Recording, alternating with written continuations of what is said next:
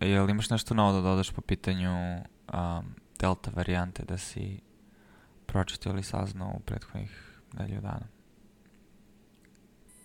A, mislim da od kako dan, pošto smo pričali, je bio dobar grafikon na Financial Timesu koji je pokazao uh, konkretno zemlje koje su imale dobru pokrivenost dobrim vakcinama i, ili lošu pokrivenost bilo kojom vakcinom ili su bile uh, vakcine koje ni, ni, nisu koje nemaju potvrđenu zaštitu od delta varijante i bilo je dosta zanimljivo videti Ujedino kraljevstvo ima jedan, jednaki broj slučajeva kao u vrhu prethodnog talasa koji je bio, ne znam, prošle zime, odnosno ove zime, ali im je smrtnost skoro nikakva. E, dok Rusija ima manje slučajeva prijavljenih nego prošle zime, ali ima mnogo veću smrtnost.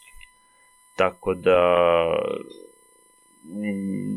bit će zanimljivo videti kako Srbija tu pro, prođe, jer, jer ima jako uh, raznovrsan izbor vakcina, kojima su ljudi vakcinisani, a nisu vakcinisani svi, tako da tu ima mnogo faktora. Mislim da verovatno neće biti tako strašno kao u Rusiji, ali sasvim sigurno neće biti tako dobro pod navodnicima kao u Ujedinom kraljevstvu. Da, I, i ono što, mislim, barem sad ono, jer dokaz izlazi iz, iz, iz dana u dan, ali baš sad poslednjih nedelju dana par publikacija izašlo, mislim, dve u New England Journal of Medicine. Jedna od njih se tiče efektivnosti vakcina protiv same delta varijante a, i tu se prevashodno odnosi na Pfizer i na um, AstraZeneca. I u, u zaključku mislim u principu ono real world efektivnost nije mnogo različita, naravno AstraZeneca je manje efektivna. Um, mislim navode 67% efektivnost protiv delta varijante u poređenju sa 74%. Naravno to podrazumeva samo postojanje infekcije, a um, u principu ne postoje velike razlike u um, efektivnosti u domenu ozbiljnosti kliničke slike. Što opet, mislim, grafikone koje citiraš takođe svedoče o tome da je smrtnost u Jedinom kraljevstvu uh, srazmerno mnogo, mnogo niža u odnosu na broj inficiranih, a pogotovo kad se uporedi sa situacijom od prošlog talasa. Tako da to je jedan od signala, mislim, efektivnosti koju smo očekivali, ali dobro je znati da, da je to ovaj, jeste tačno. Barem za sada. Postavlja se pitanje e, šta da radi neko u Srbiji koji je primio dve doze vakcine koja nije AstraZeneca ili Pfizer vakcina. Ne, ne znam gde bih svrstao uh, rusku vakcinu Sputnik V, da, da li su rezultati, da, da li su, da li je smrtnost u Rusiji toliko velika zato što ta vakcina nije dobra ili uh, populacija nije dovoljno vakcinisana. Mislim da je ovo drugo. Mislim da ne postoji razlog zašto bi uh, Sputnik V bio manje efikasan od, od uh, AstraZeneca vakcine, pošto je slična platforma. Uh, veće pitanje mi je šta raditi sa proteinskim vakcinama, za koje pitanje da li, da li, da li daju bilo kakvu pokrivenost uh, protiv delta soja i ono što sam ja rekao uh, bliskim ljudima koji su primili kinesku vakcinu je da probaju bar treću dozu ili AstraZeneca ili Pfizera ili Moderne koji u prilici uh, da dobiju isključivo zbog delta soja bez da. ikakvih dokaza iz naučnih studija, naravno, ali mislim da je situacija tako da je jesen će doći brzo, Delta Soj je već došao, mislim da nema baš puno vremena čekati na, na e, rezultate kliničkih studija, ako takve uopšte postoje, jer zemlje koje su u prilici da daju svojim građanima E, Modernu Pfizer, AstraZeneca obično nisu zemlje koje imaju građane koji su vakcinisani kineskom vakcinom, a čisto sumnjam da će bilo ko u Kini raditi takvu studiju, tako da mislim da nećemo imati te podatke iz studije. Mislim da će ljudi morati da se snalaze kako mogu. Da, i mislim da se na neki način odgovorio na jedno od pitanja koje postavio jedan slušalac Milivoje. Um, pitao je, dakle, šta da radimo mi dalje koji smo primili dve doze kineske vakcine, drugu dozu u februaru, ja ne nameravam da primim te, treću dozu te iste vakcine, mnogi su pisali da nemaju antitela, ako bude mogla Pfizer, to je u redu, ali ne znam da li to znači dve doze Pfizera i mislim da je odgovor na to pitanje da to najvjerovatnije znači dve doze Pfizera s obzirom da a, su potpuno različiti proizvodi pitanje a za efektivnost Pfizera znamo da je efektivniji nakon dve doze, tako da ako se bilo ko bude prevacivao na drugu vakcinu za koju znamo da je efektivnija, onda bi trebalo najvjerovatnije da primi a, potpuno, mislim, kako je planirano, kao i da nije primio ništa drugo pre toga. Ne znam da li Slažem komentar na to. Treba se... Komentar mi je da se slažem. Mislim da, da zbog toga što ne znamo da li... Znamo da uh, kineska vakcina nije efikasna koliko i mRNK i, i adenovirusne vakcine, to znamo. Koja je tačna efikasnost, da li je 50%, što je opet ok, ili je 60-70%, ne znamo, ali to je bilo protiv standardne korone, protiv standardnog SARS-CoV-2. Sada sa delta varijantom znamo da je efikasnost svih vakcina manja, i ako su oni počeli sa 96%, pa je sad palo na 90-91% za hospitalizaciju, to je još uvek ok, ali to verovatno znači da bi kineska vakcina bila ispod 50% efikasnosti kada bi se ta studija radila, tako da bih se ponašao kao da nisam vakcinisan, iskreno. I to sam rekao i ljudima koji znam u Srbiji koji su primili samo kinesku vakcinu, da sada bi trebalo da se ponašaju kao što su se ponašali oni lično i ono što sam im rekao da se ponašaju u martu 2020. godine, jer jednako su izloženi COVID. A to će sprečiti tako što će dobiti dozu neke vakcine za koju znamo da ima efikasnost protiv delta soja. Da. Um, ne znam, mislim, ne, ne, nije nešto mnogo sad poslednjih jednog dana, a da sam vidio izašao, izašao konkretnih podataka na nivou delta soja, o, o samom delta soja, davati bilo ko, kakve komentare, a, a da se ne tiču nečega zašto imamo relativno čvršće dokaze, um, nije dobro zato što se stvari mogu daleko promijeniti i sve su onda pretpostavke sa većom verovatnoćom da se ispostave kao netačne, ali se slažem da ako ništa znamo da mRNK vakcine um, su efektivne i da uh, vrlo verovatno da je Moderna efektivna protiv Delta, kapiram da će studija izaći uskoro. Mislim, skoro je zašto studija o prevenciji atenuaciji COVID-a Pfizer i Moderne kod uh, preoskovno zdravstvenih radnika, vatrogasaca i tako dalje, on, u stvarnom svetu i ispostavlja se da je prospektivno, znači radili su ono hiljade ljudi, uh, slična um, efikasnost one koje je pokazane u studijama koje su bile publikovane ono, krajem prošle godine. Um, ali što se same delta tiče, slažem se da da će situacija samo zbog stepene efektivnosti i procenta nevakcinisanja ljudi većine zemalja što se tiče epidemiološkog rizika za ljude koji su primili kinesku, nisu primili vakcinu ili su imunokompromitovani vrlo slična onoj od prošle godine. Um, ne znam kako će se razvijati stvari dalje u, u srpskom zdravstvenom sistemu po pitanju broja slučajeva, broja hospitalizovanja, ali se nadam da će svi biti našto spremni s obzirom da su imali iskustvo sa prethodnim talasima. Tačno tako, a i kao što smo pričali prošle nedelje, e, i terapija za COVID je sada mnogo bolja, znamo kako, koji je Uh, ko, koja je prirodna istorija bolesti i znamo šta funkcioniše, šta ni, ne funkcioniše, znamo da nema pojente davati hidroksikloroquin i ivermectin. Uh, znamo da plazma može pomoći onome ko nije stvorio antitela, što su obično imunokompromitovani ljudi koji su nedavno primili hemoterapiju ili imali nedavno transplantaciju koštane srže ili solidnih organa. I imamo koktele antitela za koje pretpostavljam da nisu dostupni u Srbiji, ali ovde bar jesu, koji, koji opet mogu da smanje smrtnost. Tako da imamo više oružja u arsenalu sada nego prošle godine, što će opet pomoći. I imamo zdravstvene radnike koji su vakcinisani i koji neće morati, nadam se, da budu povučeni iz optice prilikom svakog izlaganja uh, koronavirusu. Da, zanimljivo, mislim sad što spominješ ovaj, um, stvari koje sada znamo i iako niko nije postavio to pitanje, to je bilo jedno pitanje koje mi je bilo postavljeno strane bliskih ljudi, a, ili su bile slične situacije, to je da kod pacijenata onkoloških koji su na imunoterapiji praksa u Srbiji čini se da u velikom broju slučajeva je bila da pacijenti koji dobiju imunoterapiju ne dobijaju vakcinu.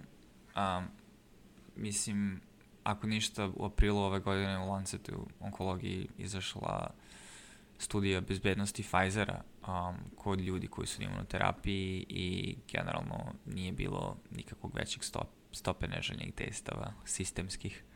Tako da znamo da je Pfizer bezbedan, a možemo da prepostavimo i druge mRNK vakcine. U svakom slučaju Pfizer je jedina koja je dostupna u Srbiji.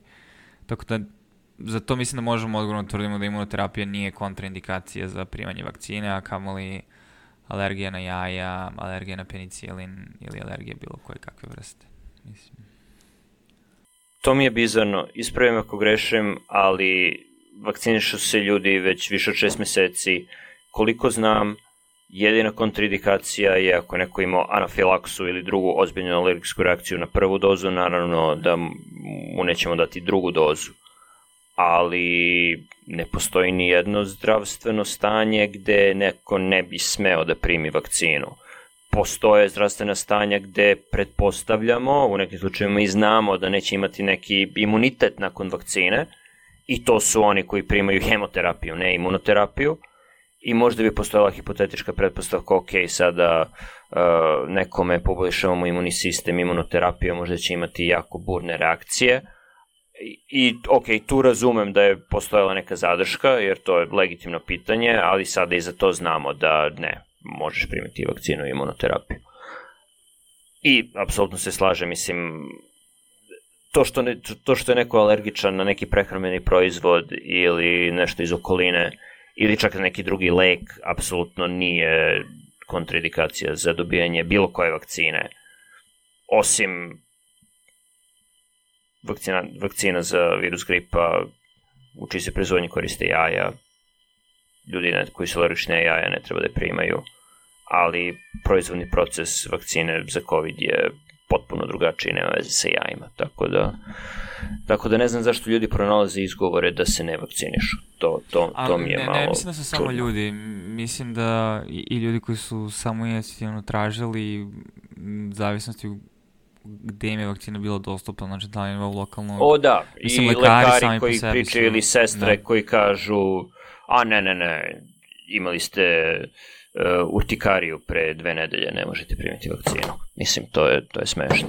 Da. Ok, a mislim da je, barem što se tiče Delta svoje trenutne situacije i informacije koje imamo, mislim da nemamo više ništa da dodamo. Um, I čini mi se, mislim ako budemo imali u nedeljama koje dolaze, mogli da napravimo neki manji segment. Ali, eto, ako ništa, ostali smo dužni možda još par pitanja um, jednom od slušalaca, pa ako želiš da se samo na to osvrnemo. O da, o da, još pitanja, se da. tiče da, a, pitanje koje nije vezano za vakcine, ali najčešće kad doktori shvataju neozbiljno nemaju razumevanja, ljute se stvarno veliki problem nama pušačima, kako ostaviti cigarete? Pričao sam sa pričao sam sa pulmologom koga znam skoro o tome. Um, mislim da je veliki problem ostaviti cigarete u Srbiji. Mislim da je dosta lako ostaviti cigarete u Americi gde je pušenje generalno zabranjeno na svim javnim mestima u većini zatvorenih prostora. Znači, vaš stan ili kuća ako je posjedujete ne iznajmljujete je ok mesto za pušenje ulica, osim ako nije na 20 metara od različitih objekata, je ok mesto za pušenje i vaš auto je ok mesto za pušenje. Na svim drugim mestima pušenje je zabranjeno. Tako da nisi svaki sekunde u kontaktu sa drugim pušačima, ako kažeš ok, sutra prestajem da pušim, mislim, prođu nedelje i nedelje života u Vašingtonu, koji ima relativno puno puš- pušača, pošto ima dosta evropljana koji žive tu, a, prođu nedelje i nedelje, a da ne vidim nikoga ko puši, niti pomirišem duvanski dim. A, dok si u Srbiji stalno u kontaktu sa pušačima, ako kažeš ok, ostavit ću, prvo moraš da promeniš prijatelje, osim ako ne odlučite svi da, da prestanete zajedno, a, a drugo što opet i da, ni, i da se ne družiš uopšte sa pušačima ili da svi ostavite zajedno, dovoljno je da odeš u restoran, kafić, prođeš pored lekarske sobe u bolnici nekoj, nadam se da više nije tako, ali prođeš pored kancelarije jednog nekada asistenta, sada vanrednog profesora, pretpostavljam, uh, sa medicinskog fakulteta i osetiš miris duvanskog dima. Što je, što je, mislim tako da razumem potpuno kako je, da je, da, da je mnogo teže ostaviti pušenje u Srbiji. Uh, I još jedna stvar za koju nisam siguran je koliko su dostupni lekovi za odvikavanje od pušenja u Srbiji uh, od onih standardnih uh, ovih nikotinskih flastera i guma pa do uh, ispravi me za izgovor variniklina, variniciklina kako, kako se veše zove? Uh, Chantix. Je, variniciklin, da. Chantix je zaštićeno ime. Da, da, da li je Chantix dostupan u Srbiji? Ne znam. Ali Ovde, ovde ima dosta metoda, ovde ima i kognitivno-behavioralne terapije, e, bilo ono besplatno pozoveš telefon pa te neko preko telefona uči kako to da radiš ili platiš ili ti osiguranje plati na 500, 600, 800 dolara za to ili imaš app na telefonu koji će te podsjećati i davati savete kako da prekineš. E, ne, ne znam šta je od toga dostupno u Srbiji. Da. A, ne, neke stvari ja sam da je ziban. Ne, ne znam šta, kako se to... Ziban, dobro, bupropijan. Ziban je šta beš? Bupropijan. Bupropijan, da. da, da, to sigurno jeste, toga se sećam još sa, sa uh, vežbi na faksu. Da. Um, slažem se, mislim, jako, ne znam kako odgovoriti na ovo pitanje, zašto stvarno se slažem da ostaviti cigare u Srbiji je nevjerovatno težak zadatak, pogotovo za nekoga ko je um, dugogodišnji ili hronični pušač, s obzirom na to da kulturološki je pušenje toliko uvreženo da je sve okrenuto protiv tebe kada odlučiš da presječeš od prijatelja, porodice, okruženja. Tako da mislim da količina snage volje i, i, i želje i, i, i organizovanosti u, u tom smislu a, mora da bude na daleko većem nivou nego u drugim zemljama, pretpostavljam Evrope ili Severne Amerike, s obzirom da baš to, okidači za... Mislim, to ti kao da pokušaš da osvojiš alkohola, svi kod tebe su alkoholičari i, i, i u tvojoj porodici i, i na poslu i, i, i u javnosti i kako, kako onda da ostaviš alkohol. Mislim, a pri svakoj prilici se pije alkohol, recimo, gde god ideš da sedneš da jedeš, da um, popiješ kafu, svaku kafu popiješ čašu rakije. Tako da, ovaj, mislim da je jako slično s obzirom, pogotovo što je nikotin daleko adiktivniji od, od alkohola. Tako da ostaviti cigare u Srbiji zaista teško. Nije nemoguće, ali mislim da sajti koje mi možemo da ponudimo um, možda i nisu toliko primenljivi. Na, na, na, na, mislim da nisu, osim, osim, mislim, pogledao bih koliko je dostupna kognitivno-behavioralna terapija, koliko je to dostupno nekome u Srbiji, ili bar u Beogradu na, na ne znam, institutu za psihijatriju ili kako se zove, da, da li tamo to rade. Mislim, znam da rade odvikavanje od alkohola, pretpostavljam da rade i odvikavanje od pušenja. Ako neko zaista ozbiljan po tom pitanju, mo može to da proba. Ali, ono, nisam psihijatar, niti iskreno da, da li znam, skoro smo imali goste pušače u kući. To je bilo zanimljivo, to je bilo podsjećanje na život u Srbiji. Uh, ali van toga, mislim, ne, ne znam, ne znam niko ko, ko je pušač. A da ja znam. Da. I mislim, bilo je jedno pitanje, opet isti slušalac, um, mi, mi lajci kancer shvatamo kao neku izraslinu u organizmu, pa još gluplje nam je shvatanje da tu izraslinu hirurg odstrani i rešen problem. Ako se pojavi novo odstrani nju, šta u stvari izazove smrt kod obolih od kancera i zašto je tako opasna bolest? Mislim da se, u principu uh, odlično pitanje s obzirom da je jako često... pitanje. To je fantastično jako često ovaj, pitanje. Ovaj, uzrok uh, da, zbunjivanja, pogotovo kada je nega multidisciplinarna između hirurga i onkologa i potencijalno radijacijalnog onkologa, a tiče se recimo nekog ranog stadijuma bolesti gde je nega od celokupnog tima neophodna, gde hirurg izjavi, a sve smo uklonili i onda a, godinu dana kasnije kancer se vrati i pacijenti su s razlogom zbunjeni, ljuti, besni. Tako da da li želiš da, da. da, da odgovoriš na ovo pitanje? A, mislim, treba početi od toga da rak nije jedna bolest, rak je na stotine i stotine bolesti i svaki od tih stotina različitih rakova a, različito brzo raste, raste na različitim mestima i ubija na različite načine. Tako da nije lako naći jedan odgovor na to od čega umiru ljudi koji umru od raka. Često su to infekcije, često su to otkazivanje bubrega jetre, uh, krvarenja, ako rak je rodira u neki krvni sud, ima, ima jako puno perforacija različitih organa, postoji mnogo načina na koji neko može umreti od raka. Uh, I, I zato je bitno znati kako svaka od tih različitih bolesti, kako, kako se ponaša, znači neće istom brzinom rasti i neće za neke... Na, konkretan primer, ako neko ima bazocelularni karcinom kože koji raste na usni, možda je dugo čekao, možda je čak i izjelo celu gornju usnu, ode kod hirurga, hirurg to odseče, mi znamo iz iskustva, iz toga što su ljudi pratili hiljade i hiljade takvih pacijenata, znamo da se to neće vratiti ponovo ako je dobro isečeno i znamo da se neće, neće odjednom neko imati metastazu bazocelularnog karcinoma kože u mozgu, u kostima, jetri, gde god. Znamo da se te stvari ne dešavaju jer tako se ponaša taj rak, to je takva bolest.